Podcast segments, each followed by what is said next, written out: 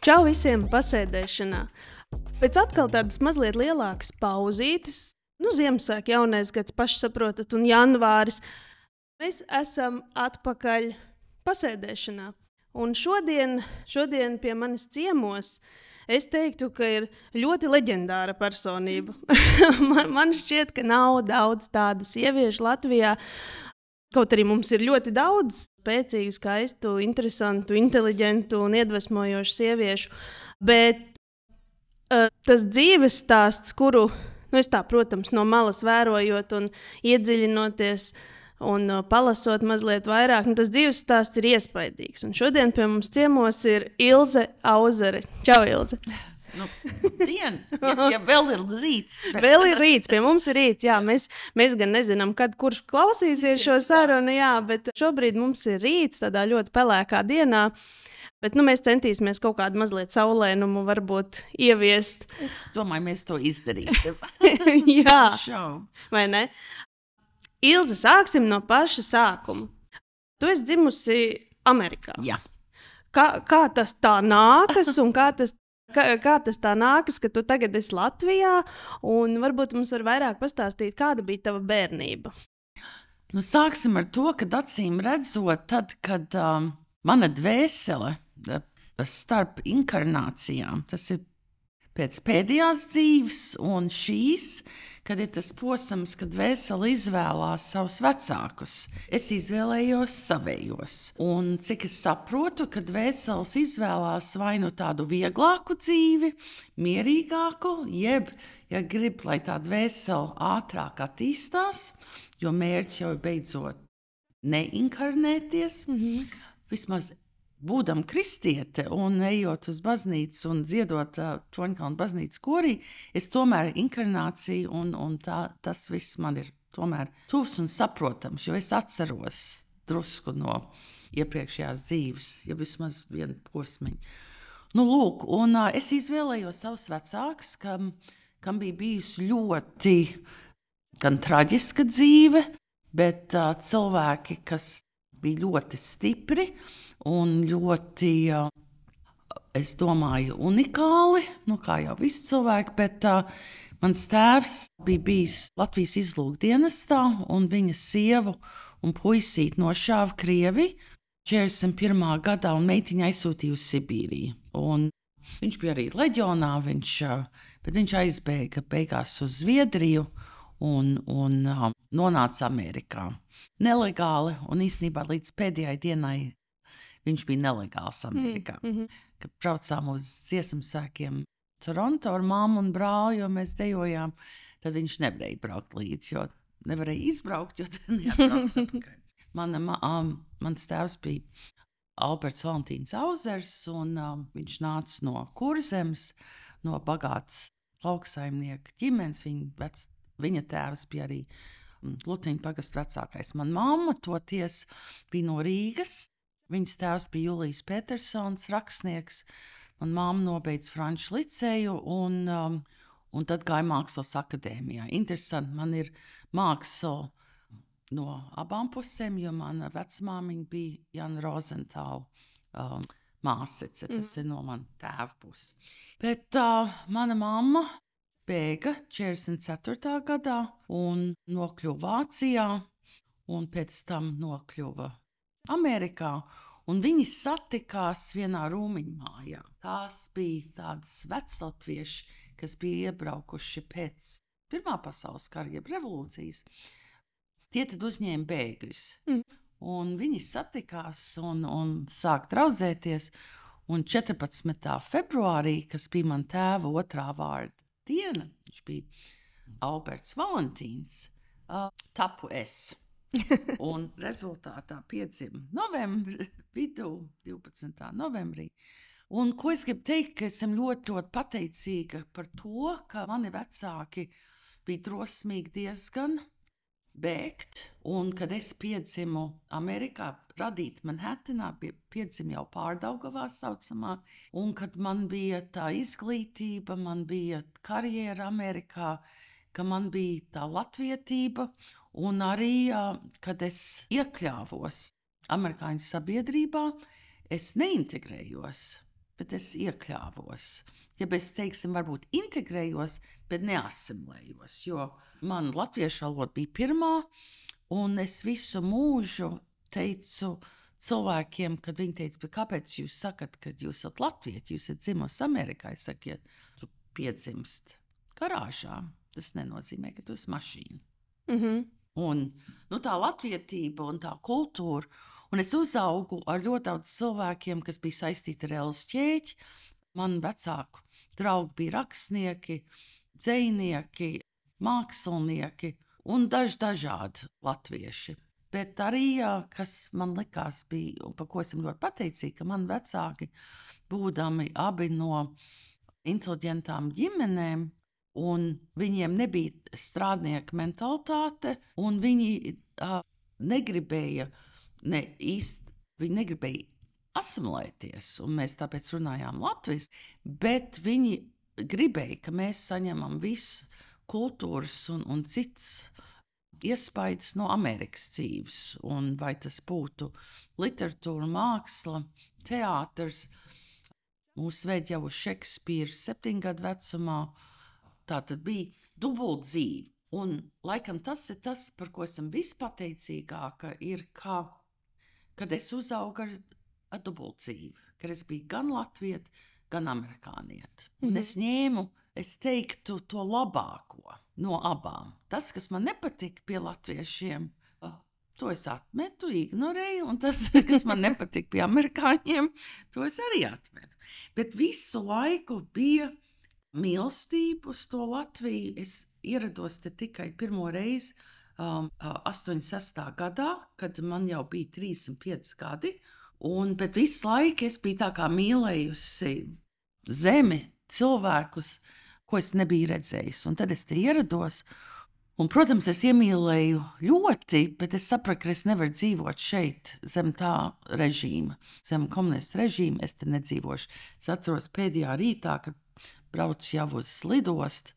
Rakstīju man onkuļu Pēteru Petersonu vietas grāmatā, kad es mīlu Latviju, bet man ir, bet es gribu te dzīvot, bet es te gribu dzīvot zem cita uh, režīma.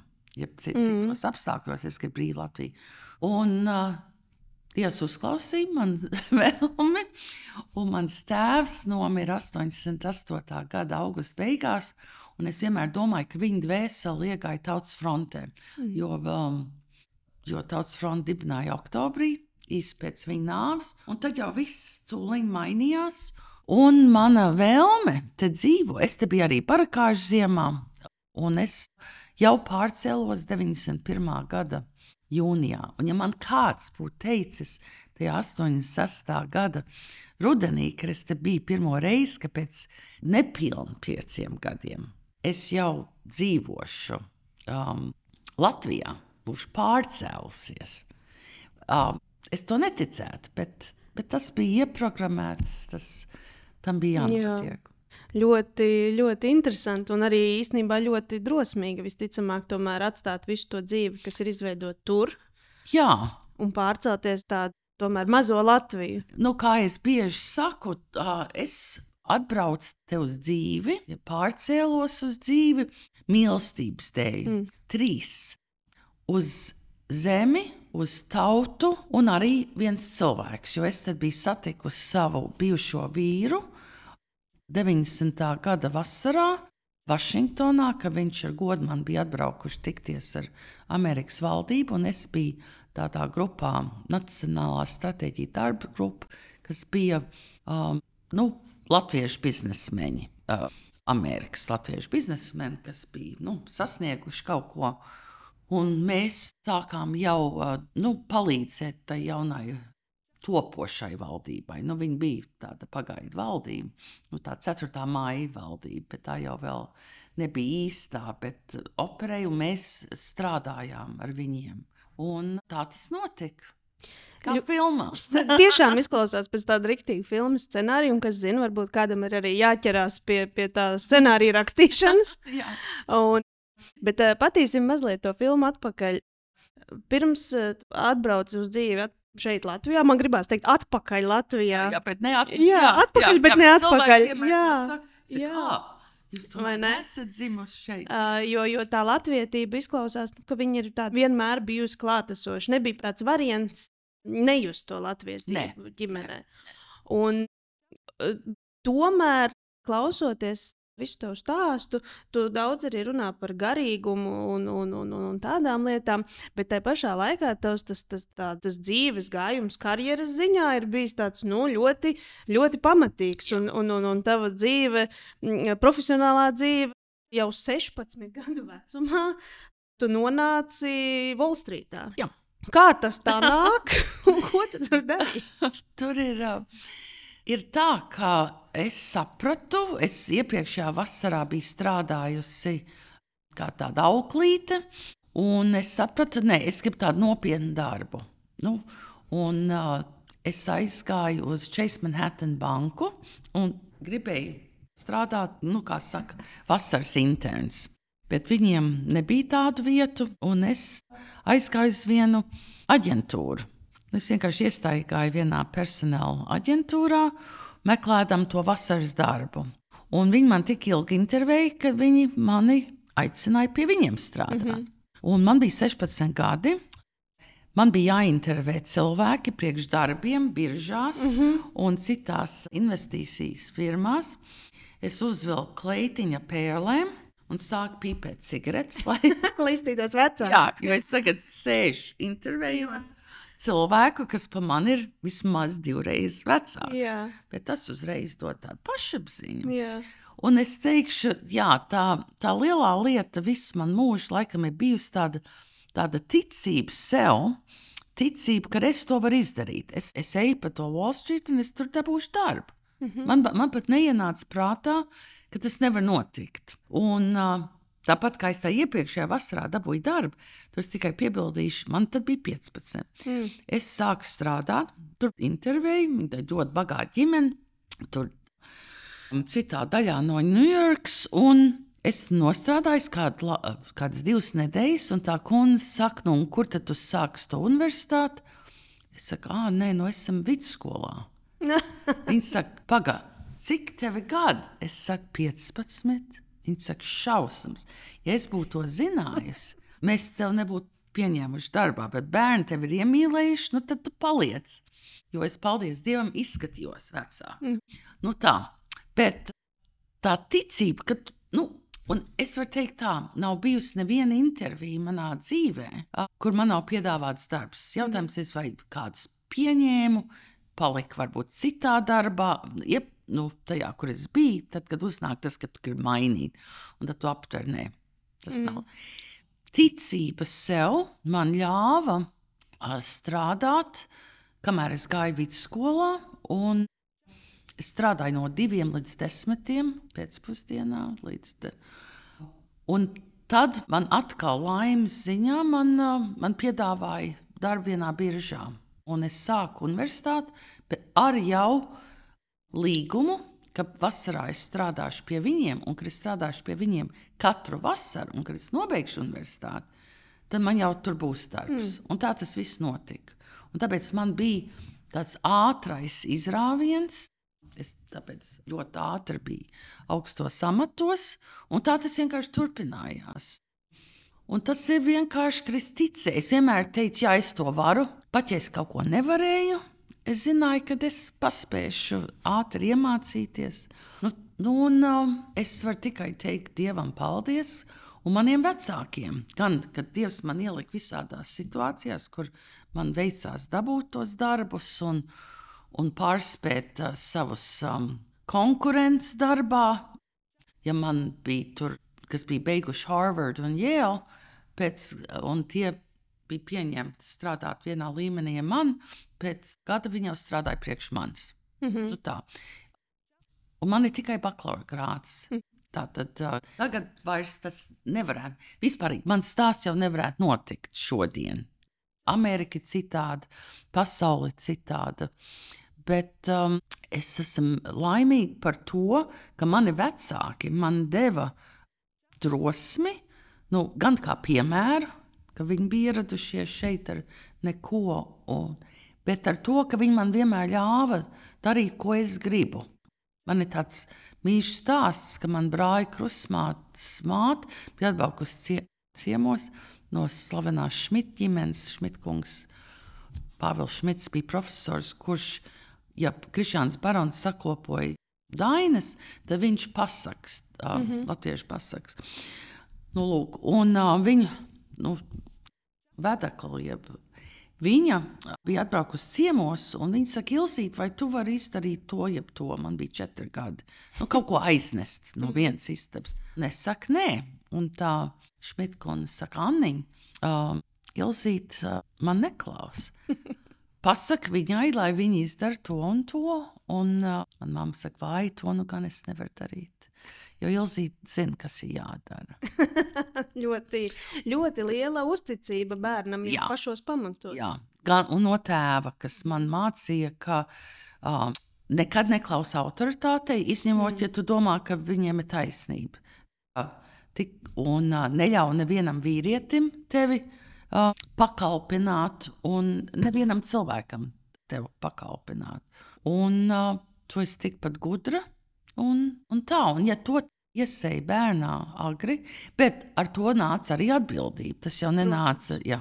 Un, uh, Latviešu skolā man bija jābūt pirmai, un, jo Latviešu skola bija sestdienās, bija jābūt tautsdejas, bija jābūt uh, koris, bija jābūt teātrī. Amerikāņu skolā atkal bija viss jādara Un interesanti, ka mēs bijām pirmā klasē, bija Igaunijas puika un es, un viņš gāja Igaunijas skolā sestdienās, un mēs pratām lasīt, jo mēs, un tie amerikāņu bērni neprat lasīt. Mm -hmm. Un tad mēs ļoti ātri bijām pirmie skolnieki.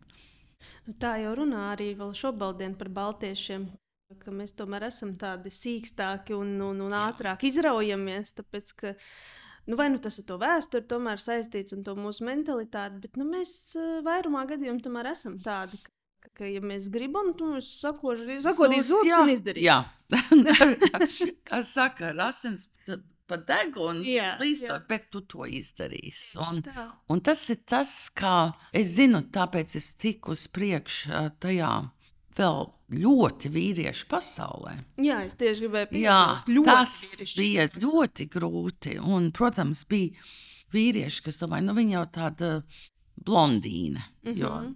Es esmu blondīna no dzimšanas. Un, un, uh, un, jā, man bija ļoti jācīnās, lai, lai iz, ar elkoņiem bieži, lai tiktu uz priekšu. Tas nebija viegli.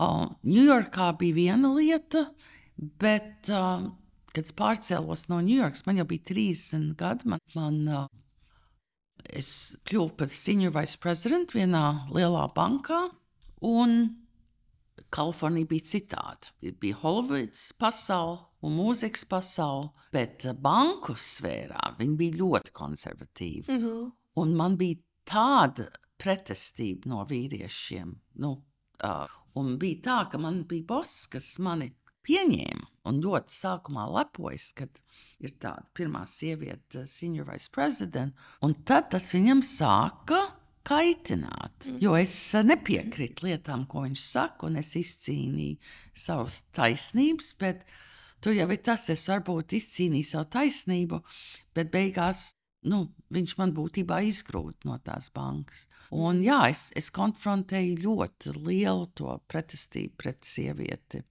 augstākā amatā, jo tas uzreiz uh, lika, un tas, ka man bija taisnība, un, un es nekautrējos viņu pierādīt. Nu, tad nāk ego. Un beigās tas ir visās lietās pasaulē. Vai tas ir kari, mm -hmm. vai uh, pirms daudziem gadiem es lasīju Lijāju kaut ko. Viņš bija uh, Chrysler firmas, autofirmas prezidents, un viņš taisam par to runāja, ka viss pasaulē, kas ir noticis slikts, ir ego dēļ. Mums mm. vajag to ego. Par to Jungs runā, kas ir mans mīļākais no, no psiholoģiem. Tas ego ir vajadzīgs, lai mūs cītu uz priekšu, lai mēs kaut ko panāktu. Bet tas ego ir arī tas, kas, kas rada karus, vai tas ir cilvēku starpā, jeb valstu starpā un nekas tur nemainās. Jā. Mm -hmm, droši vien tas arī beigu galā ir tas, kas gan veicina izaugsmi, gan arī to sabremzē, Jā, ja tas jā. ir daudz un neadekvāti. Un es teikšu, tā, 30 gados man bija daudz lielāks ego nekā man tagad ir. Uh, es esmu piestrādājis arī, lai, mm. -hmm. lai viņu brīžam noslāpētu, ka man vienmēr nav jābūt taisnībai. Ja, ja, pat ja man ir, man nav viņa jāpierāda. Es jau zinu, ka man ir taisnība. Vairs tam Bet- nav tāda vērtība. Jā, visticamāk. jā, jā, kaut kā svarīgāk būt arī labās attiecībās ar cilvēkiem, un, un ar, gan ar mīļiem cilvēkiem, gan ar draugiem, gan paziņām, gan vienalga ar ko. Bet arī pašā laikā ir cilvēki Latvijā, kam es nedodu roku. jā. Un, un vienkārši, diemžēl, būdama šeit, gan uz skatuves, gan pirmā rindā, uz ļoti daudz. uh, Cilvēki daudz ir aizmirsuši, piemēram, tas cilvēks, kas ievies bankomāts un, un debitkartes Latvijā. Es neļāvu, kad izdod čekus, ka mēs veidojām to banku sistēmu 91. gada rudenī. Un, protams, runāja gan Repš, gan citu tās pāris bankas, kas toreiz bija. Es teicu, viena lieta, par ko es, es, es neļaušu, ka mums ir čeki. Tā ir ļoti antīka, veca, dārga sistēma. Un tas mums deva to spēju, ka mēs varējām pārlekt vecām sistēmām un iet uz, uz uh, ko saka, direct debits. Un nebija tādi vecie instrumenti, un par to man ir liels prieks. Tas, ka mēs varējām būt īsts finanšu centrs, tas, ka to mums sabojāja jau Putins daudz gadus atpakaļ, un alkatība no zinām banku puses. Mums iznīcināja to, ka mēs varējām būt gan offshore, gan finanšu centrs Eiropas ziemeļos. Par to man ir žēl. Nu, jā, jo to arī atgriežoties no Amerikas. Šeit, Latvijā, turpināja to savu ceļu finanšu pasaulē. Un 90. gados, nu, kā jau tur ieskicēja, un es arī spēju iztēloties, ka tas noteikti nebija, nebija viegli. Pat tagad, visticamāk, tas nav viegli, bet 90. ir, ir 90. Bija grūti. Un, un atgriežoties no Amerikas, tomēr tas kontrasts tieši Neatgriežos, ierados. Nu, ierodoties, vai ne? E, Ierodoties Amerikā, e, no Amerikas Latvijā, tas kontrast, tam kontrastam taču noteikti bija jābūt milzīgam. bija ļoti liels, un, un man bieži cilvēki vaicā, vai tas bija grūti. Nu, man bija tā, ka man bija tas mērķis, ka man ir jāpalīdz būvēt Latviju, pirmkārt, mm -hmm. banksfērā. Un es sapratu, ka acīm redzot, visa mana karjera, kas Amerikā beidzās ar Senior Vice President Bank of America, otrā lielākā pasaules banka tajā brīdī, un pēc tam man bija pašai savu firmu. Es gribēju būvēt Latviju tā, kā es viņu pratu, kas bija caur finanšu uh, jomu, bet es arī uh, palīdzēju manam vīram, kas bija ārlietu ministrs, Jānim Jurkānam, un uzņēmu un uzņēmām cilvēkus visu laiku diplomāts mūsu mājās, māju, ko es nopirku, un kas bija viss ar mēbelēm, un porcelāniem un kristāliem, kas viss atnāca ar konteineru no Amerikas. Um, es būvēju Latviju divās frontēs, jo kā diplomāta sieva man bija ļoti svarīgi parādīt, ka Latvija nav čūčņa. Un uh, kad neskatoties uz tiem šausmīgiem padomu gadiem, ka, ka mēs esam civilizēti cilvēki. Un, uh, tas bija arī mans mērķis, un, un tas uh, viss labi izdevās. Par to man ir liels prieks. Bet tad, kad, kad es biju investīcijas bankas prezidents, un, un mans, nu, es biju padot Ivaram Gonmanim, Mm -hmm. un sanāca, ka es sēdu, mans kabinets bija ministra padomē, un es sēdu pusdienas speciālā tādā, nu, teiksim, nu, gandrīz restorāniņš priekš tiem laikiem. Un tur bija nu, Raimons Pauls un visi pārējie ministri. Raimons tad bija kultūras ministrs, un visi bija vīrieši. Es biju mm vienīgā sieviete. Un es atceros, kā tā viesmīla, ka viņi nesa to ēdienu tiem kungiem. Un tad domāju, Es redzēju, ka viņi ar nepatiku man nesa to ēdienu, un kad es esmu vienā līmenī ar šitiem vīriešiem. Un, uh, tas jau ir vēl redzams Latvijā līdz šai baltai dienai, kad bieži sievietes uh, nograuj citas un, un ļauj paklupt sievietēm, nepalīdz man tai vietām būt mentorām un, un palīdzēt citām sievietēm. Es pilnīgi piekrītu. Man ir prieks, ka beidzot kāds tiešām to arī saka, jo tagad tā moderni tomēr nāk tas ka sievietes atbalsta sievietes un, un tam līdzīgi. Bet man tomēr tiešām tādā ikdienā dzīvojot un jūtot ir jāpiekrīt, ka mēs vēl joprojām esam bērnu autiņos ar šo, un, un, un, un diemžēl man personīgi, nu, protams, ka man ir tikai mana personīgā prizma.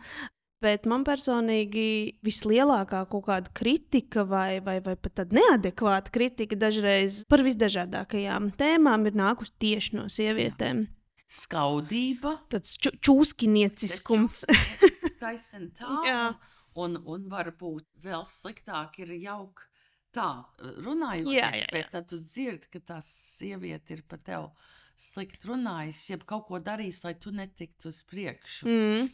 Protams, tas ir laikam sievišķi. Es atceros, es lekšu apakaļ, kad jā. tu man vaicāji, kā es sāku uz tā valsts, un es gāju meklēt to darbu tai vasarai. Un viens iemesls, kāpēc es meklēju to darbu, jo es biju pieteikusies būt karsēji meitene mm -hmm. mūsu vidusskolas, nu, lai futbola komandām, basketu. Un es netiku tajā komandā, un es vēl, un es dabūju zināt, nākamā dienā, ka man laba draudzene, blonda, gara, tā kā mm. es, kura ar norvēģu izcelsmi, uh, bija balsojis pret mani. Un es viņai teicu, Lora, kā tu to varēji darīt? Iels, piedod, bet Es gribu būt vienīgā blondīna. Mm. Jo, redz, Ņujorkā viss tumšmats, itālietis, ebrejietis, īrietis, viss kaut kas. Bet mēs bijām tādas gandrīz vienīgās blondīnas. Es gribēju būt vienīgā blondīna. Fast forward. Pirms nepilnu pieciem gadiem es biju uz savas vidusskolas um, salidojumu. Un mēs ar to Lauru tikāmies un, un tikāmies atsevišķi dienu. Un es viņai izstāstīju, es teicu, Laura, es gribu tev teikt paldies. Jo tāpēc, ka es netiku tajā komandā, es izlēmu, lai viņi visi iet tur un tur, un es iešu meklēt darbu uz Wall Street. Un paldies tev! Mana karjera! Viņa tā, viņa gandrīz sāk raudāt. Viņa saka, piedod, es saku, nē, tas sanāca ļoti labi. Un es atceros, man mamma vēl Es biju tik bēdīga, es raudāju, ka es netiku. Viņa man nopirka ļoti skaistu, dark Samsonite koferu, ar ko es pēc tam aizbraucu uz divreiz divu nometni. Un viss sanāca tā, kā, kā Dievs bija ieplānojis priekš manis. Jā, whether it's a lesson or blessing. Tu jā, nekad, tu jā. Nezini. tu nezini, ko Dievs ir tavā dzīvē plānojis. Un es varu teikt tikai un vienīgi to, ka Viss, kas ir noticis manā dzīvē, ir. Esmu pateicīga, ir man veidojis, nav bijis viegli. Man ir bijuši, nu, īpaši darbā, esam ļoti, ļoti daudz strādājis. Nu, tā, patiešām līdz izmisumam. Bet atkal es saku, tas bija to vērts, un, un es ar saviem gadiem jūtos labi, un paldies Dievam, arī izskatos labi nu, tas man nenogalināja. Bet pastāstīja, abstrahēties mazliet no tās ja. profesionālās pasaules. Nu, tu biji tomēr ļoti jauna, kad tu jau ieņēmi arī tos, tos augstos amatus mhm. bankās, mm -hmm. Amerikā nu, tomēr tas noteikti kaut ko tev maksāja. Noteikti kaut kādi kompromisi bija jāpieņem. Jo man neizklausās, ka pie tāda režīma vispār kaut kāda elementāra privātā dzīve var būt. Vai vispār bija laiks kādai, kādai ballītei, kādai tādai jauniešu padarīšanai, vai tev nebija tādas intereses? Nemaz baigi. Nē, nē, es biju uz bāju karalieni. No apvienoja visu. No, no dzimšanas. Jā. Mans tēvs jau teica, ka esmu ciemslot. Man vienmēr patika būt kaut kur jaunā vietā, ēst kaut ko jaunu, ko varbūt māma netaisīja. Bet nē, man visu laiku arī tā dubulta dzīve. Es gāju uz amerikāņu draugu balītēm un uz latviešu balītēm. Nedēļas nogalēs es bieži braucu uz Priedaini, jeb uz Long Islandu, un, un man visu laiku bija uh, balīts un, un latviešu draugi. Es apprecējos diezgan jauna, bet tur tev ir taisnība, ka tomēr visu nevar. Un es ļoti apzināti gribēju veidot karjeru, un, uh, un negribēju tajā vecumā bērnus. Mm -hmm. Un uh, man bija ļoti, un es apprecējos ar vīrieti, kas bija pa mani laikam 9, 10 gadus vecāks. Un um, viņam bija trīs bērni, tāpēc mm. nebija tas spiediens tuliņu. Mēs gribējām baudīt savas karjeras, mēs, mēs satikāmies. Gan īsi viss man vīri ir sat, jeb boyfriendi, jeb nozīmīgas attiecības, visas ir nākušas caur darbu. Nu, es satieku kādu, kur es strādāju. Es nesatieku viņus krodziņos, jeb internetā, nu tad nebija internets, bet, bet darbā. Un, un uh, es teiktu, arī satiku savu trešo vīru arī tā kā darbā. Yeah. Jo tas atkal bija saistīts ar, ar to, ko es jau biju sākus darīt, kas ir palīdzēt Latvijai. Un tas ir manā galvā, tas ir daļa no manas dzīves darba. Es, es laikam esmu par to tikpat lepna, ko es esmu darījusi šeit, daudz mazākā mērogā, bet būtiski salīdzinot ar ko es darīju. Ja man Amerikā, kad es biju Senior Vice President Bank of America, es kontrolēju 17 miljardu aizdevumos, sākot ar kreditkartēm līdz hipotekām, un 27 miljardu depozītus, mm -hmm. sākot ar mazu kontu līdz nu, vērtspapīra kontiem. Tās bija īstas naudas, bet es tik un tā uzsveru to, ko es darīju šeit. Ja man bija uh, 20 miljoni klientu Bank of America, uh, tas ir desmit Latvijas. jā, jā, tieši tā. Bet man, man esam laikam beigās lepnāk par to, ko esam uh, darījuši šeit. Jo Nē, nu man, man vienkārši Latvija ir svarīgāka. Bet mm. tas nenozīmē, ka es nebiju Amerikā. Ja vismaz man tagad ir grūti viņu mīlēt, jo tas, kas tur notiek, ir tik bēdīgi. Tā demokrātija, kurā es uzaugu un kas deva iespēju bēgļu bērnam. Mans brālis arī tika ļoti, ļoti tālu. Un, um, es viņu ievilku Wall Street, un viņš arī palika Wall Street. Es pārgāju no Wall Street uz bankām.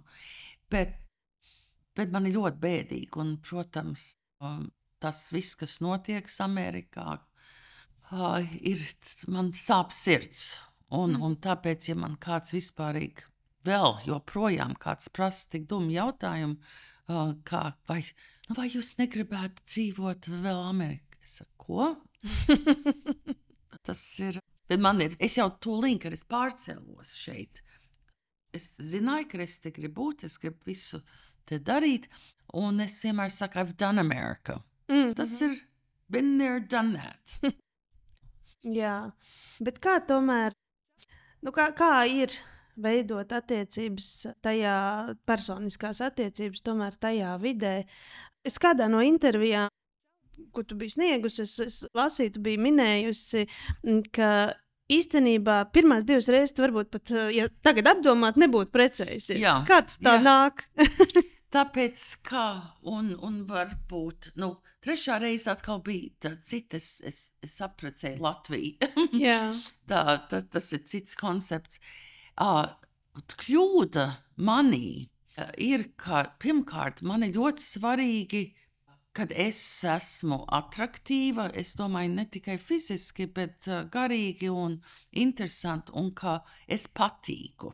Mm -hmm. um, Un es, tad, kad es iepazīstos ar cilvēkiem, nu, tagad es, paldies Dievam, esmu kaut ko iemācījusies. Bet tas ir gājis ļoti ilgi un ļoti grūti. Arī pēc šķiršanās ar Jānu, ar, ar vīriešiem, ar kuriem es esmu pavadījusi laiku, un vienu gandrīz arī apprecējos, bet man pielec ātri, kad man ir jāskatās, un es to tagad iesaku arī draudzenēm un citām sievietēm. Uh, bet tas ir nācis man būtībā pateicībā manai psihoterapeitei pirms dažiem gadiem, ka Tev ir jādomā, kas tev ir vajadzīgs. Tev ir jāskatās, un tev ir.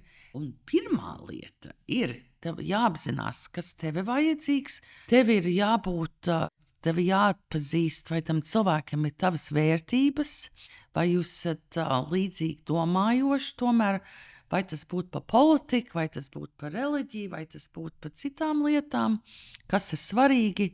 Um, un, uh, Un laikam tas ir tas, kad arī tad, ja tu koncentrējies uz to, to es līdz šim nebiju darījusi, ka tev jāieraug tos sarkanos karodzīmus. Mm -hmm. Jo, kā man stāstīja mana psihoterapeite Līga Broka, ka uh, cilvēki jau pirmajā stundā, ja pirmajā dienā, ja pirmajā nedēļā, gandrīz pirmajā randiņā, jau pastāst visu par sevi.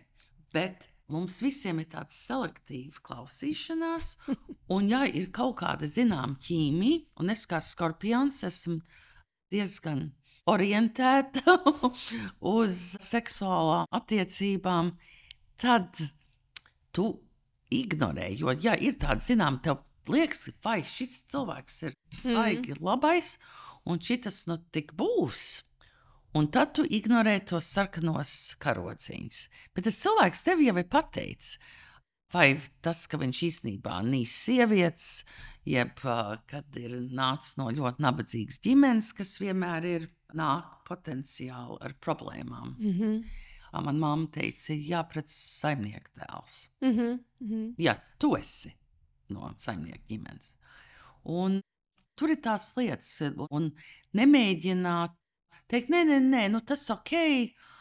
Es jau palīdzēšu viņam izaugt, ja es palīdzēšu. Es viņu varu mainīt. Es varu mainīt. Jā, klasika. Jā, klasika. Jā. Un, un tas ir tas, ka patiešām jādomā par priekšu par sevi. Ne, mm. ka tu gribi iekarot to vīrieti, ja tu gribi, lai viņš domā, ka tu esi brīnišķīgākais cilvēks pasaulē. Tas jau tu esi tik un tā. Vai tas ir priekš tevis? un vai jums būs tie kompromisi, vai jūs varēsiet patiešām veidot ilgspējīgas attiecības. Nu jā, tā, tā tas ir. Kā, kādas bija tavas šķiršanās? Vai tās bija tādas mierīgas, racionālas, vai, vai tomēr, tomēr kaut kāda tāda? Jo šķiršanās mēdz būt tāda, ka tā ir atomkarš. Jā, Nē, atomkarš bija tikai man pēdējo vīru, jo es viņu izmetu, un, un viņa egauto nekādā ziņā nevarēja paciest. Un, un arī tad, kad pagāja kādu gadu, viņš gribēja tikt atpakaļ. Un, un tas nenotika. Es, es sapratu, ka tas nevar no manas puses notikt. Tagad, ja es biju gudrāka, tad uh, tas naids ir tagad. Uh, ilgstošs. Bet ar pirmiem diviem vīriem, un arī vispār man ir bijušas septiņas nu, attiecības, mm -hmm. nu, ko es sauktu ilgstošas, nu, ilgstošas kā tomēr. Visas bija pa četriem gadiem, pēdējā bija 24 gadi, mm -hmm. bet sešas no tām bija pa četriem gadiem. Tā tad pirmais gads ļoti liela iemīlēšanās, ļoti liels fans, viss tā, tad ir tāds sākās, un tad beigās tu sāki aptvert, paga, paga, viņam sāk augt jā, tie, tās kājas, sāk trupināties no tā piedestāla. jā, nav kā es atceros. Jā. Nu tā, bet tās bija visas, es teiktu, samērā ar pirmo vīru ļoti tā, viņš bija ļoti bēdīgs, un, un viņš pēc tam vienu brīdi apprecējās, un tad mēs tikāmies, un viņš man atkal bildināja. Un, bet, bet mēs šķirāmies kā draugi, kas man bija ļoti jauki. Un, kad mēs šķirāmies, es nekādu naudu no viņa neprasīju. Viņš teica, es gribu tev dot naudu. Es saku, vienu dienu man vajadzēs. Un tad viņš man iedeva, ka man vajadzēja pirkt uh, pirmo māju. Un viņš man iedeva. Un ar otro vīru viņš bija vairāk apvainojies. Bet jā, ne, nebija. Nu, viņš no manis izspieda naudu. Jā, trešais arī. Bet, Vīrišķīgi. Jā, pēdiņās. jā, jā. Bet uh, kā man vienmēr man teica, tad, kad šķīros no otrā vīra, viens mans kolēģis no Citibank, arī no Bank of America, teica, ja tev ir problēma un tu to vari risināt ar naudu, tā ir laba problēma. Un, un tāpēc, um, jā, es trešam vīram arī iedevu naudu, mēs šķīrāmies. Un, Tas tā. tas tā. Tiešām, nu, tāds bišķi nevīrišķīguma paraugs stunda. Nedariet tā, puikas jaunie. Klausieties un mācieties. Pastāsti, lūdzu, daudzi, daudzi teiksim, kas ir varbūt jaunāki arī par mani, tevi visticamāk nemaz nezina saistībā ar finansēm. Bet uh, nu, es tā pieņemu, iespējams, zinu tieši dēļ taviem raidījumiem televīzijā, par Jā. kulināriju, protams, tava grāmata. Kā vispār, kā vispār tava dzīve? Tas vienmēr ir bijis kaut kur tā paralēli, varbūt jau no ģimenes. Kā, kā tev tā tik liela tā mīlestība pret to galda kultūru, gatavošanu un, un vispār tām garšām? Eh, Droši vien būtu muļķīgi jautāt, cik liela nozīme garšām un ēdienam ir tavā dzīvē. Bet, eh, Nu, es domāju, tas sākas ar to, ka mani vecāki bija ļoti viesmīlīgi. Mhm. Un, kā esmu citur stāstījusi, ka es vēl sāku runāt, jo manā mamma pavadīja visu laiku rakstot vēstules uz Latviju un vēl uz Vāciju, tie, kas vēl nebija atceļojuši. Un uh, viņa gleznoja. Nu, mēs pavadījām, un tad piedzima mans brālis, bet viņš bija maziņš. Un tā es sāku runāt tikai kaut kādā trīs gadu, trīs ap pus gadu vecumā, bet tad jau pilnos teikumos. Man tāds baby talk kaut kā mm. nelikās interesanti, acīm redzot. Un bija pirmais teikums, par ko man vecāki nenormāli lepojās, bija, kad ciemiņi nāk, svecītes deg. Tur ir viss. Jā, Jo pirmkārt, tāda, nu, tāda loģiskā domāšana bija konsekvence, ja tagad ir aizdegta svecīts, tas nozīmē, būs ciemiņi. Un tas nozīmē, ka tas ir kaut kas skaists, ka man vecāki priecīgi būs ciemiņi. Un, un tā ir mana dzīve arī līdz šai baltai dienai, ka es smējos, es dzīvoju uz Raina Bulvāra, un tas ir kļuvis par draugiem štābu. Pēc operas, pēc teātra, pēc filharmonijas, pēc vienalga. Pat kaut kur Vērmaņu dārzā, fast food festivālā, nu, aiziesim pie ielas. Un tā tas notiek. Man mm. -hmm. patīk, ka man ir ciemiņi. Jā. Vai tas Ukraiņas atbalsts? jā. Uh, Visi atnāk ie- iedzert vīnu pie manis. Un, un tā tas uh, sākās ar, ar viesībām. Es jau zinu, ka man patika palīdzēt mammai taisīt kaut kādas maizītes. Un vēl labāk man patīk viņas nesāt mm -hmm. kārtu un pasniegt viesiem. Man likās, ka tas ir tik fantastiski. Un, un garšas, visu laiku jaunas garšas, ā, pamēģināt. Un mana mamma prata dažādas ā, valsts virtuves, vai tas būtu krembrulē, jeb arī kāds itāļu ēdiens. Protams, mums bija latviešu ēdieni, bet viņa prata un viņa.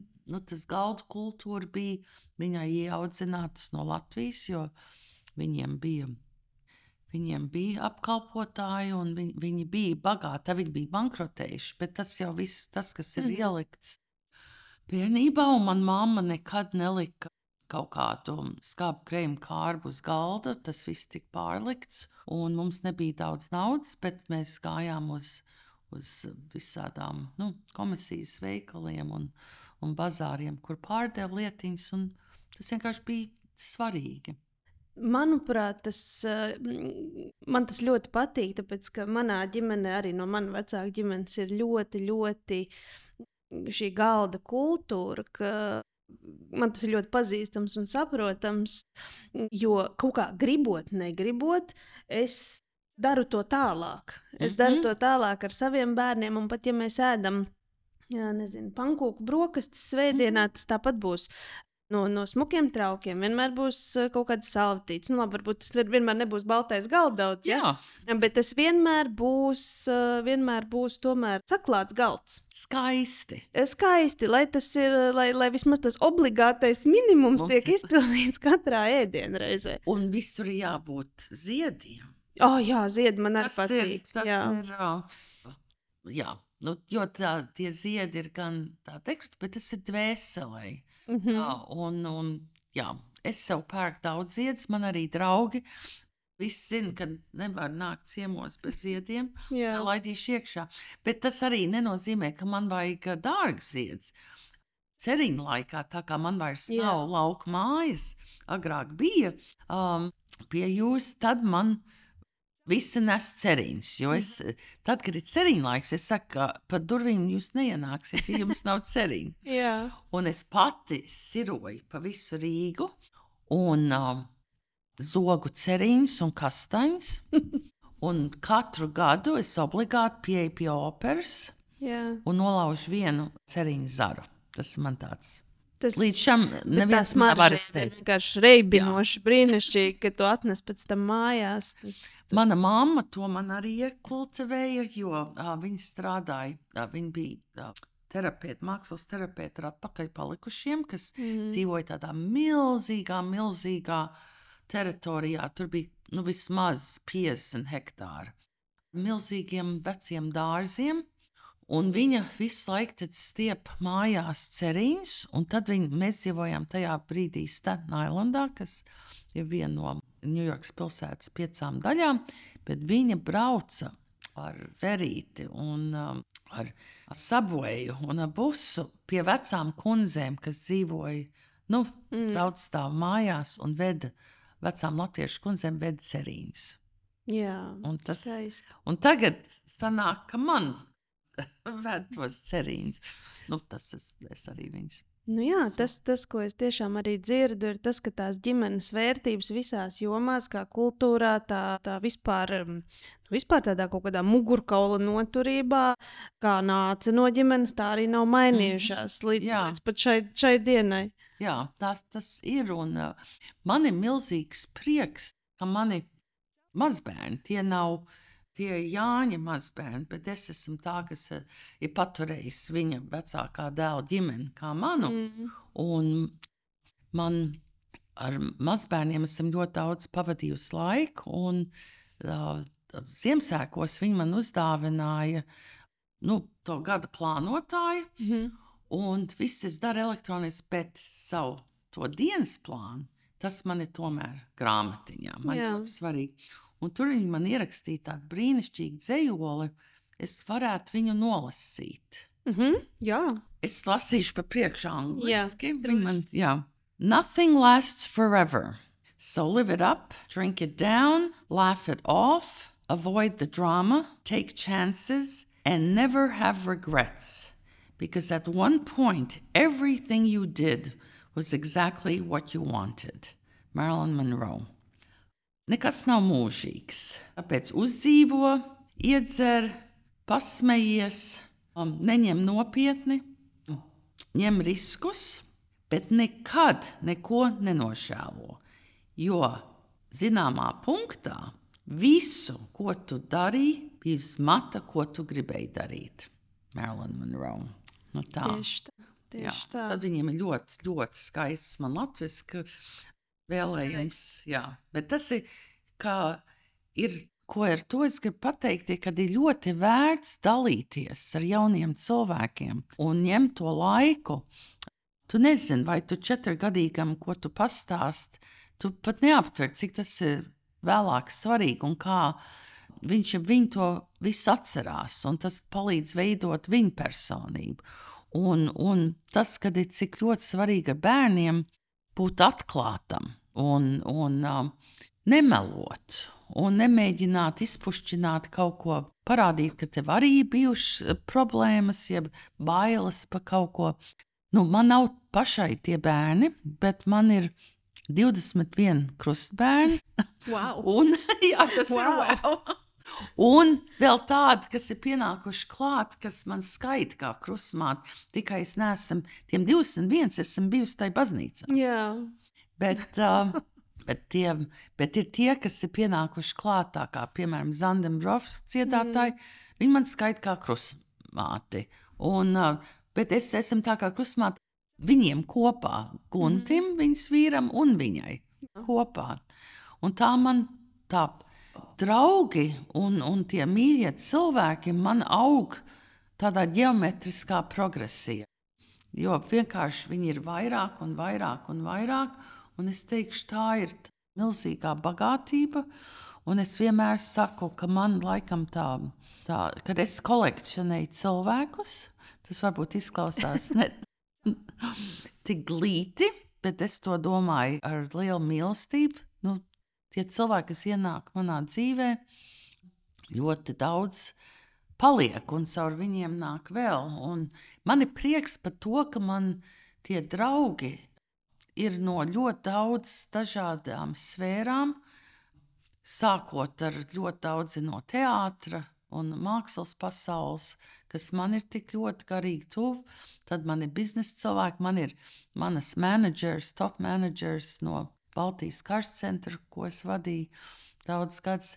Mēs tiekamies samērā bieži. Mēs nu pat taisījām veselu dienu ar brunču restorānā, tad mākslas muzejā. Tad pie manis. -hmm. ļoti, ļoti labi. Jā, tā tas notiek. Bet visur ir jābūt. Un man ir tā pa grupiņām. Bet tad, mm protams, tādās lielās balēs tad viss sanāk kopā. Bet jā, cilvēks ir tā skaistākā vērtība, kas var būt. Man šķiet, ka tu esi tāds ļoti interesants paradoks šajā ziņā, jo ļoti bieži cilvēki, kas nu, tomēr profesionālo dzīvi saista ar tādām ļoti nopietnām profesijām, Viņi tur to savu loku, to cilvēku loku mm. parasti ļoti nelielu. Nu, tāds, tāds vismaz tas priekšstats ir, un cik es esmu arī personīgi satikusi.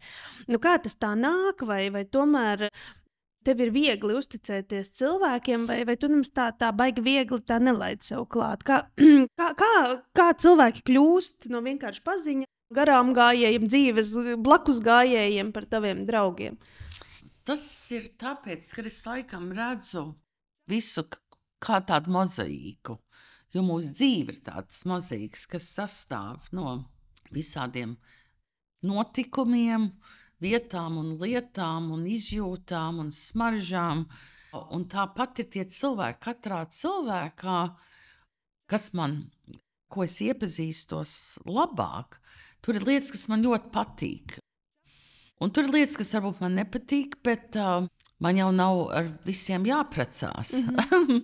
Vai tas būtu vīriešiem? Mm -hmm. Nav jau jābūt ar katru cilvēku visu dienu.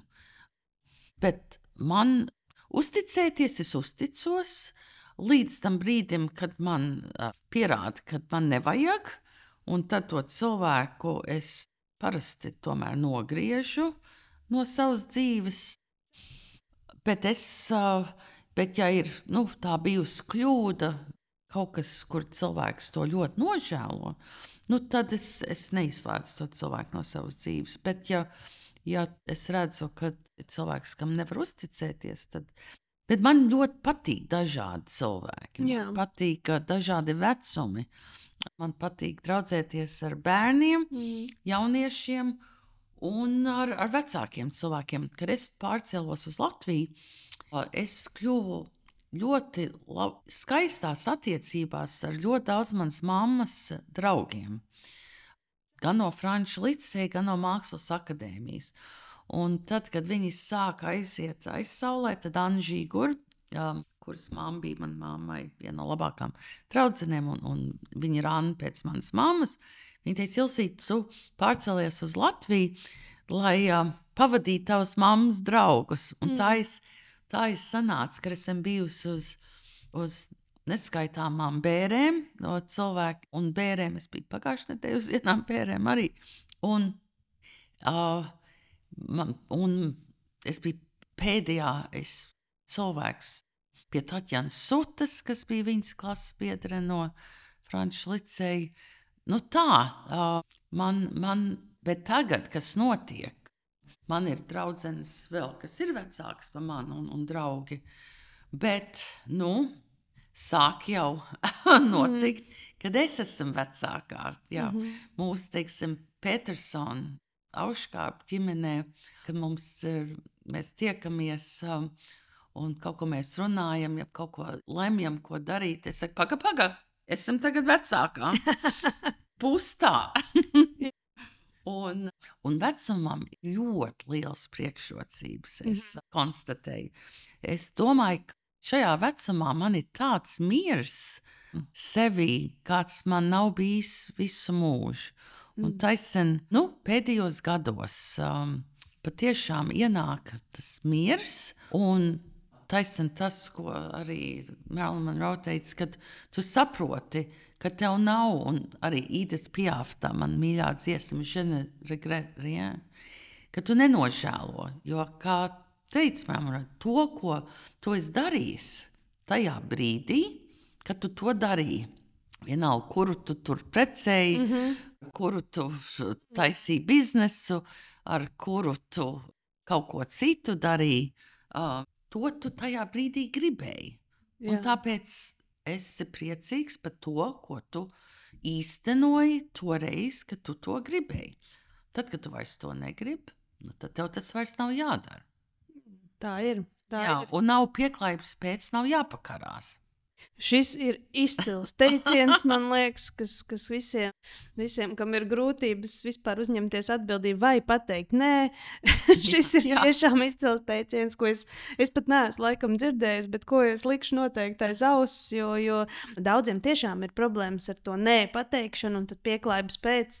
Gandrīz vai tiešām pašam jau jāsāk kārties, Jā. nav vairs netiek galā ar savu dzīvi, un tad visi citi ir vainīgi. Tas tas tagad tā, Mhm. tā, tā klasiskā, klasiskā ķēdīte.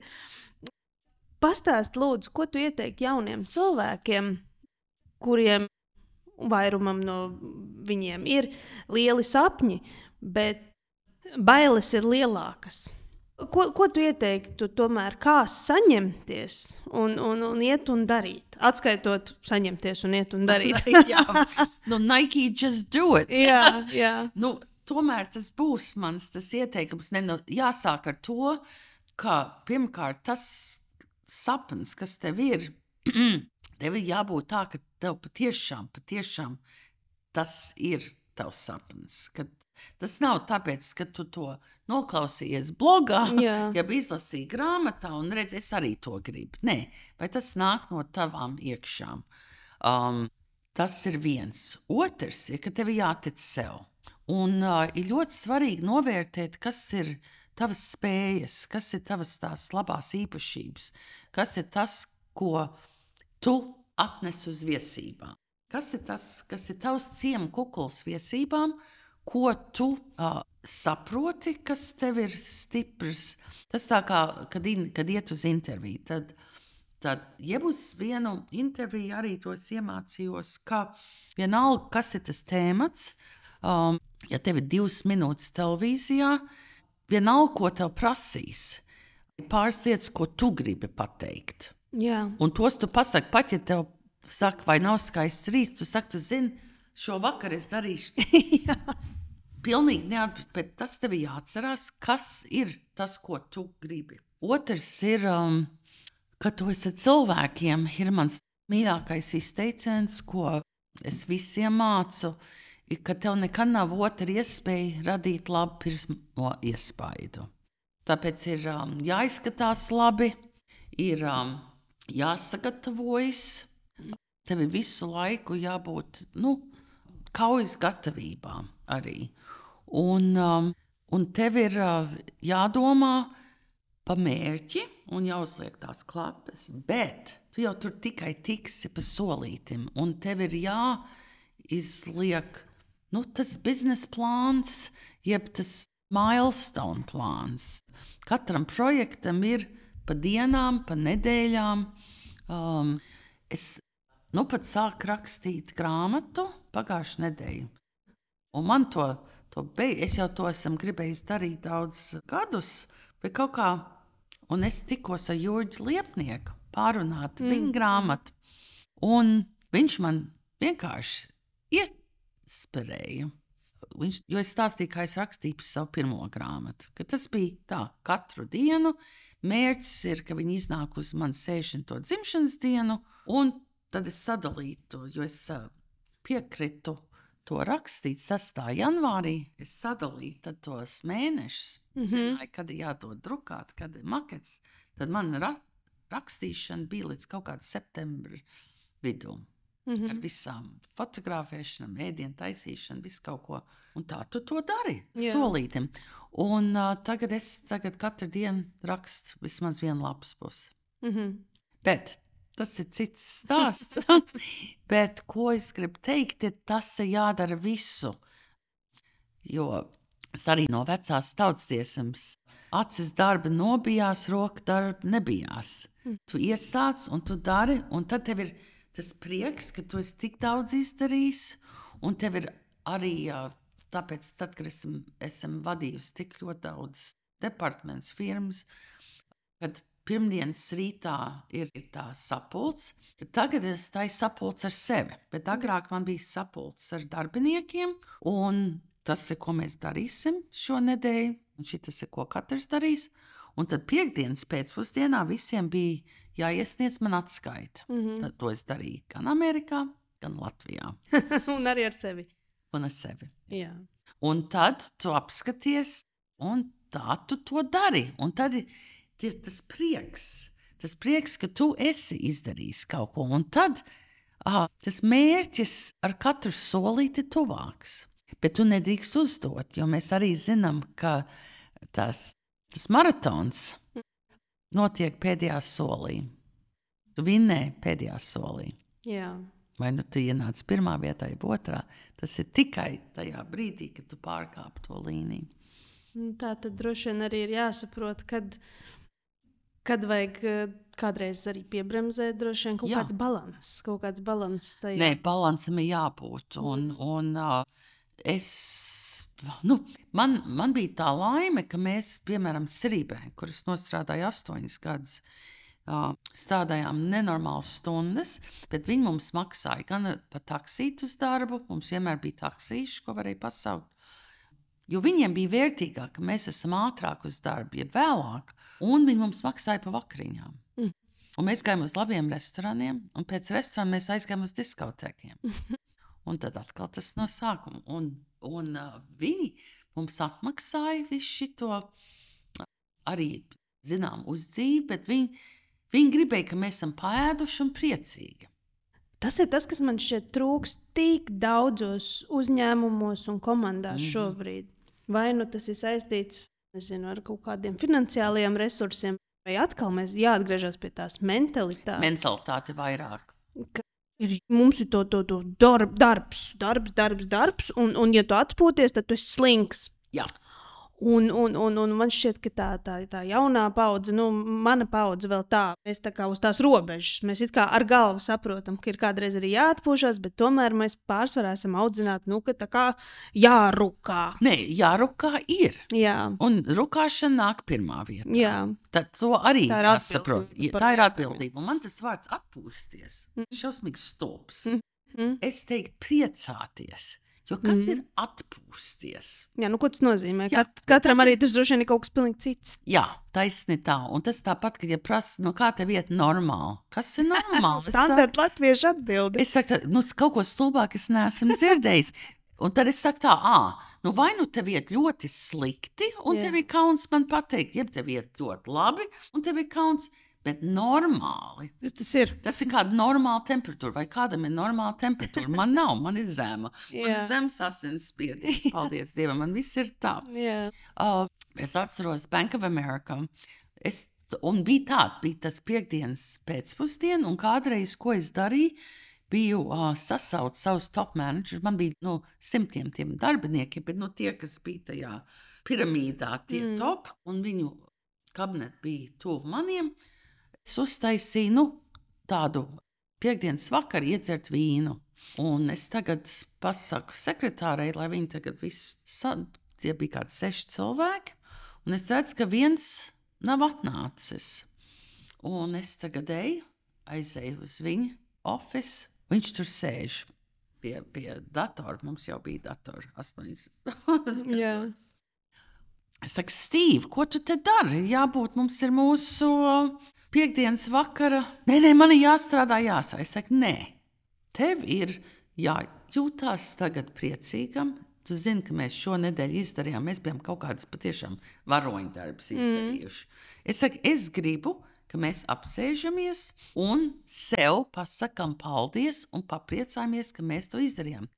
Nākamnedēļ mēs iesim vēl tālāk, bet šobrīd ir jāpriecājas par to, ko mēs esam sasnieguši. Un, un tas tāpat, ja es kaut kādas ļoti lielas lietas dzīvē esmu izdarījis, ja tikko es atceros, kad tiku par senior vice prezidentu, es aizgāju un nopirku ļoti dārgas spēles. Un man tās ir līdz šai baltai dienai, man tad bija 33 gadi. Un es esmu tik, katru reizi es viņus uzlieku, es atceros. Un tā vajag, ne jau vienmēr ir jāpērk kaut kas tik dārgs, mm. bet, teiksim, ja ir nedēļa, ka kaut kas ir izdarīts, patiešām foršs, vai nu nopirkt sev ziedus, bet kaut kāds, nu, sevi apbalvot. Mm -hmm. Un atzīt, ka es esmu kaut ko labi izdarījis, esmu kaut ko sasniedzis, un esmu pārvarējis gan savas bailes, esmu pārvarējis savu slinkumu. Mm -hmm. Slinkums mums arī visiem ir, un tas pārlikšana uz Mans tēvs vienmēr teica, jā, jā, jā, nedara šodien, ko tu vari arī nedarīt rīt. ne? jā, o, jā nu, visas šīs lietas, sevi paslavēt, mm. sevi arī nopērt. Tas arī jādara. Nevar Protams, tā teikt, disciplīna. nu, es jau esmu tikai ne, disciplīna. Ļoti svarīga lieta, un tāpēc tikpat disciplinēti priecāties disciplinēti priecāties. Man šķiet, ka tas ir ļoti, ļoti labs formulējums. Jo aizpriecāties jau visticamāk ir viegli nepareizā virzienā. Jā, jā. un arī un tā vis... sevis apbalvošana var kļūt par sevi žēlošanu vienā jā, brīdī. Jā, jā. Mm. Es, ja tu neesi nopelnījis tagad to nu, jau noklēji, tad, tad ne? Nu jā, un, un visticamāk tas termometrs, kas mēra, vai tu esi nopelnījis vai nē, nu, visticamāk, ir pašam savā galvā. Jā. Jo, jo, ja mēs sāksim tikai no malas klausīties, kā pašā sākumā minēja tēva teikto par autoritātēm, mm -hmm. neklausies autoritātēm, ja vien tu nu, nepiekrīti. Jā. Jā. Uh, jo no malas tās balstiņas nu, vienmēr ir visādas.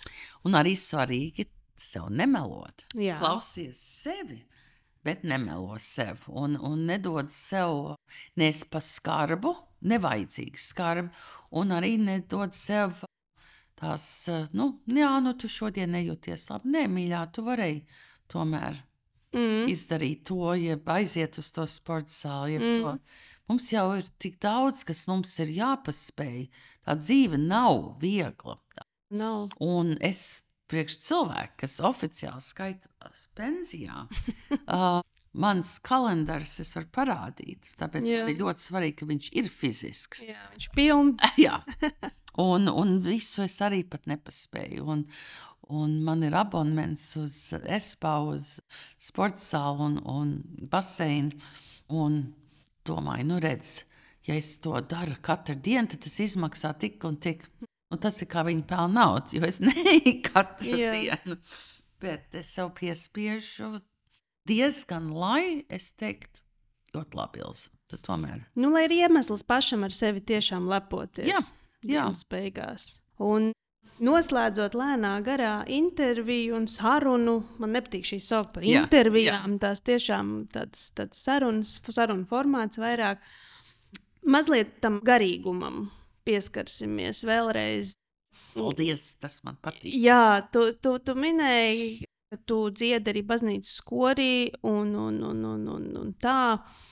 Man personīgi pēdējos gados ir diezgan konfliktētas sajūtas baznīcu un, dievu personīgi iemeslu dēļ. Nē, tieši ar baznīcu vairāk. Ar Jā, dievu, dievu man, man, man mazāk.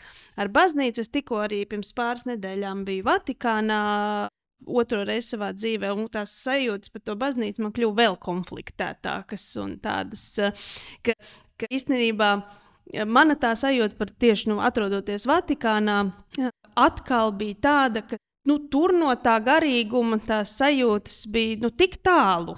Kā, kā muzejs, kā, kā tāda relikvija krātuve. Ārprātīgu bagātību krātuvi. Jā, protams, bet nu, tik tālu no garīguma es laikam nebiju jutusies sen ne, nekur citur. Bet, bet tomēr garīgums ir arī svarīgs nu, man. Es, es esmu tāds pēdējos, pēdējos gados Jura Rubeņa grāmatu un vispār, vispār, vispār ideju piekritēji. Ja. Man ļoti simpatizē tā, tā, teiksim, tā viņa drosme.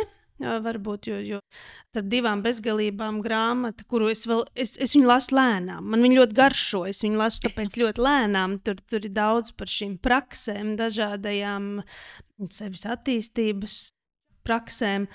Un Es gribēju pajautāt, nu, kāds ir tas tavs ceļš pie garīguma, jo, jo atkal nu, tas ļoti stereotipiski. Es te tagad tā izsakos par to, ka parasti šie racionālie cilvēki nu, tomēr reti dzirdēs, ka runā par iepriekšējām dzīvēm. Kam arī es absolūti ticu, jo es, es neticu, es zinu. Bet savos veidos zinu, ka, ka tādas eksistē un nākamās, un iepriek, nākošās, iepriekšējās un, un tagadējās. Bet Nu, kā, kāds ir tas tavs ceļš pie garīguma, un kāpēc tev tas ir nozīmīgs, un ko tas vispār nozīmē? Nu, atkal es varu teikt paldies maniem vecākiem, um, kad man tas garīguma ceļš ir jau no pašas bērnības. Un, uh, man mamma man teica, ka Jēzus man ļoti mīl, un, un tad mums Latviešu skolā uzdāvināja pildīt to tradicionāli, ka viņš ir tāds mm -hmm. blondiem, gariem matiem. Un man vēl ir tā bildīte, starp citu, un es iedomājos, nu, ka viņš ir mans pirmais boyfriends. Es domāju, ka viņš man mīl arī nu, citādi. Mm -hmm. es, bet uh, tēvs toties, jo bija zaudējis savu sievu un bērnus, nu, viņam bija problēmas ar Dievu. Mm -hmm. Viņš bija dusmīgs Latvijā bija Krieva okupēta, viņa ģimene, un viņam bija dusmas. Bet tas viņu neapstādināja, krāsojot latviešu baznīcu, krāsojot latviešu nometni, ko uh, dibināja Latviešu baznīca, un uh, atbalstīja uh, visu, kas bija ar Latviešu baznīcu, jo tas bija kultūras centrs. Jā. Man vienkārši tas ir bijis daļa no manis un, un vienmēr svarīgi. Un tad nāca, kad es pārcēlos uz Latviju, un tad es iepazinos ar Juru Rubenu. Un, protams, viņš un, un viņa mācekļi, tā ir vienīgā baznīca, ko es Latvijā atzīstu. Mm -hmm. Un es uzskatu, ka Jānis Vanagam ir ļoti liels Salieri Mozart komplekss. Un, uh, un viņam bija jāmēģina iznīcināt, jo Rubēnu un to viņš, protams, nespēja. Uh, un es uzskatu, man bija vēl viens liels prieks par mūsu baznīcu, ka uh, dziesmu svētku uh, pēdējā svētdienā, kas bija, kad bija noslēguma koncerts, mums bija dievkalpojums mm -hmm. Toņkalna baznīcā, kurā piedalījās First Come First Served 200 koru nieki no visas pasaules. Bija arī klāta Tigulis un Lorita Ritmana, kā dzīvie komponisti. Un mēs, protams, dziedājām dziesmas no dziesmu sēkļa repertuāra, bet sprediķu teica sieviete mm. no Anglijas mm -hmm. mācītāja. Mm -hmm. Un tas bija tāds, piedod, fuck you. Jā. Un par ko man bija milzīgs prieks. Un es domāju, cik drosmīgs mums ir Linnards Rozentāls, mm -hmm. kas ir brīnišķīgs. Man ir žēl, ka Aičs un Simonovičs aizgāja. Man liekas, ka tā bija viņu kļūda, bet viņi, es viņus respektēju un klausos un, un cienu. Un, protams, Juris Rubens. Es domāju, man pirmie gadi mēs ar Jānu iestājāmies Garkalnas baznīcā kaut kādā 92. ja 3. Mm. gadā, tad, kad Um, un, jo mēs dzīvojam Langstiņos, un es teiktu, bez Jura Rubena, nu, mums bija katru otro nedēļu. Viņš tad brauc no Toņkalna uz, uz Garkalnas baznīcu, un mums bija pēcpusdienā uh, dievkalpojums. Un man tas vienmēr tad, ir tas moments, kad viņš saka, lai nu, pirms spredīt, kad tie vārdi, ko mēs tagad dzirdam, lai tie ir, ir svētīgi mums katram. Un es varu teikt, ka tie viņa sprediķi man palīdzēja izdzīvot tos pirmos gadus Latvijā. Un visādas grūtības gan banksfērā, gan, gan es audzināju manu vīru jaunāko dēlu, kas bija problēma bērns. Um, man bija un tās konfrontācijas, man, man bija arī investīcijas bankas, viss 400 miljonu skandāls. Man bija, nu, uz manas galvas ir nācis ļoti, ļoti daudz. Un Juris Rubens un baznīca man ir palīdzējuši vienmēr. Esam dabūjusi to garīgo atbalstu un to spēku. Un arī pēc šķiršanās, tā man trešā šķiršanās bija sāpīga. Pat ja es biju tā, kas mm. manu bijušo vīru izmeta, bet tik un tā tas bija viss bija sāpīga, nodevība, vilšanās, kad tu sāc saprast, ka tu esi dzīvojis ne ar patriotu, ka tu esi dzīvojis ar, ar Latvijas nodevēju, bet man ļoti palīdzēja. Un es, es nu, baznīca ir daļa, man, man, man vienkārši ir tāda vajadzība. Uh, liturģija man vairs jā, jā. neko daudz. Nu, jā, nevis es viņu zinu, un es dziedu līdzi, un tas viss skaisti. Bet man ir ļoti svarīgs sprediķis un arī dievgalds. Patīk iet pie dievgalda, tur ir tāda, un tad aizdedzināt svecīt. Jā, tie ir, bet arī ir viena lieta par Vatikānu. Bet man ir interesanti, kā tu teici, bet ko es sev arī uh, saku, tad, kad mm. es eju uh, vai tas ir Vatikānā, jeb citās graznās baznīcās, jeb vietās, ko es mēģinu fokusēt uz to, kā, cik lielu mīlestību un, un pašadevi tie mākslinieki Jā, un, un, un celtnieki un nu, meistari, visi, kas strādāja. Un es domāju, cik skaisti ir, ka tagad, ja tu tiec uz uh, uz kādu vietu, kas ir mīlestība un skaistuma izturēt tā kā uz šī vieta, kur mēs tagad runājamies, ir ļoti skaisti iekārtot. Tāpēc man arī tik ļoti svarīgi, ka manā mājā ir daudz gleznas un, un lietas, kas ir daļas, un, mm. un kur ir ielikts darbs. Jā. Un tas, laikam, bet jā, tā, tā reliģijas lieta, nu, Mans brālis vienreiz teica, jo viņš arī ir krisi, viņš teica, kā man gribētu, viņš dzīvoja Amerikā, viņš saka, kā es gribētu. Latvijā cilvēki būtu drusku reliģiozāki. Viņš saka, tad mm. būtu daudz kas. Jo redzi, ko mēs esam bieži arī esam teikusi, uh, bija Mozus desmit paušļi, un, un tad ir Kristus divi paušļi. Un ja mēs to sakojam, uh, tad nebūtu Latvijas izakšana no visiem mūsu oligarkiem, un kurus es visus gribētu. Es pat viņus negribu. Jā, es gribētu, ka viņas notiesā, bet es vienmēr saku, es gribētu viņas pakārt, bet aiz vienas vietiņas tom laukumā, ne lai viņi nomirst, bet lai viņi iedod tos offshore kontu naudu un atlikt atpakaļ Latvijas kasē. Nu, es, es, protams, runāju kā blondīna, bet es tomēr esmu un atļaujos.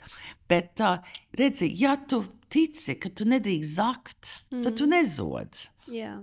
Ja tu tici, ka tu nedrīkst melot, un, un kas ir, ko Rubens ļoti skaisti ir skaidrojis, ka Mozus jau iedeva tos desmit baušus ne tāpēc, lai ierobežotu savus cilvēkus, bet lai viņi būtu brīvi, jo viņi ir brīvi. Redz, es varu teikt tā. Man nav jādomā, vai zakšu tik daudz kā Lembergs, Čēlis, jeb Šlesers. Es zinu, ka es nezakšu nemaz. Un tā ir mana brīvība. Un man tā apetīte nerodas ēdot. Tad. Mm -hmm. Un šīs ir tās lietas, kas, un, un nu, ja tev ir tā, tā tas nenozīmē, ka ne, es esmu totāli baltumpulkaini. Tas, uh, bet es teiktu, ka es ļoti piestrādāju, um, lai, lai es būtu baltumpulkaini tagad. Mm -hmm. Un arī domāt saprāt, par to, jo mums agrāk, ja vēlāk būs jāatskaitās. Un tas ir tas, ko es vienmēr domāju, cik muļķīgi cilvēki nu, dara tik ļoti sliktas lietas. Vai viņi nedomā, ka viņiem būs ļoti drīz jāatskaitās? Visticamāk, tā arī ir, ka vienkārši nedomā. Nedomā. Netic, jā. nedomā. Netic, jā. es nezinu. Man, man arī ir ļoti būtiska tā sajūta, ka es varu. Es, es parasti tulkoju tā, ka man ir ļoti svarīga sajūta, ka es varu nakt, vakarā nolikt galvu uz spilvenu, jā. un man tā galva nesāp. Es varu jā. aizmigt. Jā. Jā. Un, ja man tā sajūta sašķobās, un man viņas kaut kāda iemesla dēļ eh, nav, tad es sāku domāt, ko es esmu darījis nepareizi. Mm -hmm. Un runājot par to reliģiju vai, vai ticību, man arī ir bijis tā, ka ticība kaut kam augstāk stāvošam un, un stiprākam par mani, neizskaidrojamam vārdiem, varbūt ir vienīgais, kas ir eh, noturējis pie dzīvības. Būtiski pie veselā saprāta, jā, pie dzīvības, jā. pie spējas vispār turpināt. Tāpēc, tāpēc es pilnīgi saprotu arī, ko tu saki. Nu, katram droši vien jāatrod tas, tas, tas savs, tas ticības pavadiens, kam pie kā pieķerties. Jo, jo kaut kādā x stundā kas cerams, ne, cerams nepienāks, cerams, tevi neskars. Bet, ja tomēr skar, Jā. lai, lai ir tas, tas pavadiens un tā ticība un tā apziņa, ka tu esi centies būt. Jā, jā. Tu esi darījis labāko. Pēc savas labākās sirdsapziņas. Ka tev ir tā sirdsapziņa. Man liekas, jā. tas ir. Tāpēc arī es vienmēr saku, bet es ticu, ka Dievs man tomēr ved. Man ir bijuši tie momenti, kas ir bijuši tik grūti. Un tad tu domā, kāpēc Dievs man tas notiek. Mm. Bet tāpēc es ļoti mīlu to korālu pie rokas, ņem un vadi. Kungs man ir pats līdz beigās mm. mūžā. Nu, kad viņš tomēr zina, Un es uh, vienkārši domāju par pa vienu lietu. Mums, latviešiem, mums īstenībā nav tik jau, ļoti jākonfliktē. Par, jo mums ir tas, kas arī ir Japāņiem. Un es biju pagājušajā gadā Japānā, tas man bija tāds sapņu ceļojums. Es braukšu atkal, jo tā ir fani. Un kāpēc Japāņiem patīk latvieši? Jo mums tāpat kā viņiem, ir ļoti labs savienojums starp to nu, teiksim, dievturību un, un kristietību. Un viņi nav konfliktā. Mm -hmm. Un vēl pieliksim to reinkarnāciju. Tas viss tomēr ļoti sinerģiski darbojas, un man tas liekas skaisti. Un viņiem ir tas budisms un šintoisms, kas ļoti labi um, darbojas, un cilvēki iet gan uz vienu templi, gan otru. Un es, es tā kā mudinātu cilvēkus tikai tāpēc, ka uh, uh, tev nav jāizslēdz kristietība, tāpēc, ka tu sev uzskati par par pagānu latviešu. Nē, ir. Tas ir tāpat, esmu bijusi Peru, Maču Pīču, un tad pie viena šāmaņa, un tur bija viss. Tur bija tāda katoļa ticības attribūti, tādas ragana lietas, bet visu to jau var savienot. Es arī tam ticu. Es ticu, ka daba arī zina, kā mums cilvēkiem ar to jā, jāmiedarbojas. Jā, jā. Un ļoti daudz kas mūsu tajā pagāniskajā kultūrā ir diezgan labi integrējams un savienojams ar ticību augstākiem jā, spēkiem. Jā. Mums ir ļoti daudz pagānu kultūras augstāko spēku. Mm -hmm. Un nevienmēr tās lietas vispār ir jānosauc vārdos. Jā. Reliģijas to mēģina nosaukt vārdos. Un, Un, un, un, un tā tas ticība, jau ierobežo. Jā, tas ierobežo. Jā. Tas uzreiz tās definīcijas un formulējumi, tas uzreiz absolūti ierobežo. Jā. Man ļoti uh, patīk tas, ka Rubens arī Dievs ir tepat tajā grāmatā, kas savu laiku bija uh, iesvētas mācības, mm. tā, tas pamats. Es vienkārši izgāju, man viena draudzene, Baiba Astra, kuras eh, tēva brālis bija Gunārs Astra, viņa gribēja iesvētīties, un viņas meita ir man viena krustmeita. Un es gāju viņai līdzi uz tām iesvētas mācībām, jo es, protams, iesvētījos pirms simt gadiem Ņujorkā. Mm. Kā jau viss latvieši 17 gados, pēc tam tu brauc uz universitāti, un, un viss tur ir baltā kleitā, un viss ir ļoti skaisti. Bet tagad es kā braucu līdz viņai un klausījos, man tik ļoti patīk. Un tur ir tas, ka, ka, ko Rubens stāsta, bet tev Dievs ir tev tā kā tēvs, tāpēc, ja mēs sakām, mūsu tēvs, mm -hmm. saka, un viņš taču grib mums labu. Un viņš grib, ka viņa bērns uh, dzīvo labi, laimīgi Un atkal tāpēc jau ir tie bauši, un tāpēc ir tā spēja, un nekad nav pa vēlu. Es starp citu lasu lekcijas daudz kārt. Tas ir vairāk tādas runas, mm -hmm. vairāk pensionāriem ar to domu, ka nekad nav pa vēlu. Nekad nav pa vēlu, tavu dzīvi sākt no jauna. Un, um, un tāpēc es domāju, Dievs ir vienmēr arī ar mieru tevi uzklausīt. Un tad, kad tu patiešām tu domā, šausmas, esmu savu dzīvi tomēr daudz bojājis, bet, bet, um, bet dabūt to mieru arī mūža beigās ir ļoti skaisti. Un to var dabūt labāk vēlāk nekā nekad. Jā, ne? tā. Es domāju, ka es nevis domāju, es zinu, ka es varētu tavos stāstos klausīties vēl ilgi un dikti. un Es ļoti ceru, ka man vēl kādreiz būs tāda iespēja. Ja, Bet šodien es gribu tev teikt milzīgi paldies, ka tu atnāci pie mums, dalījies savās pārdomās par īstenībā mēs pieskarāmies visdažādākajām tēmām. Un es novēlu tev, lai tev šī diena ir daudz saulēnāka nekā mums te ārā aiz loga.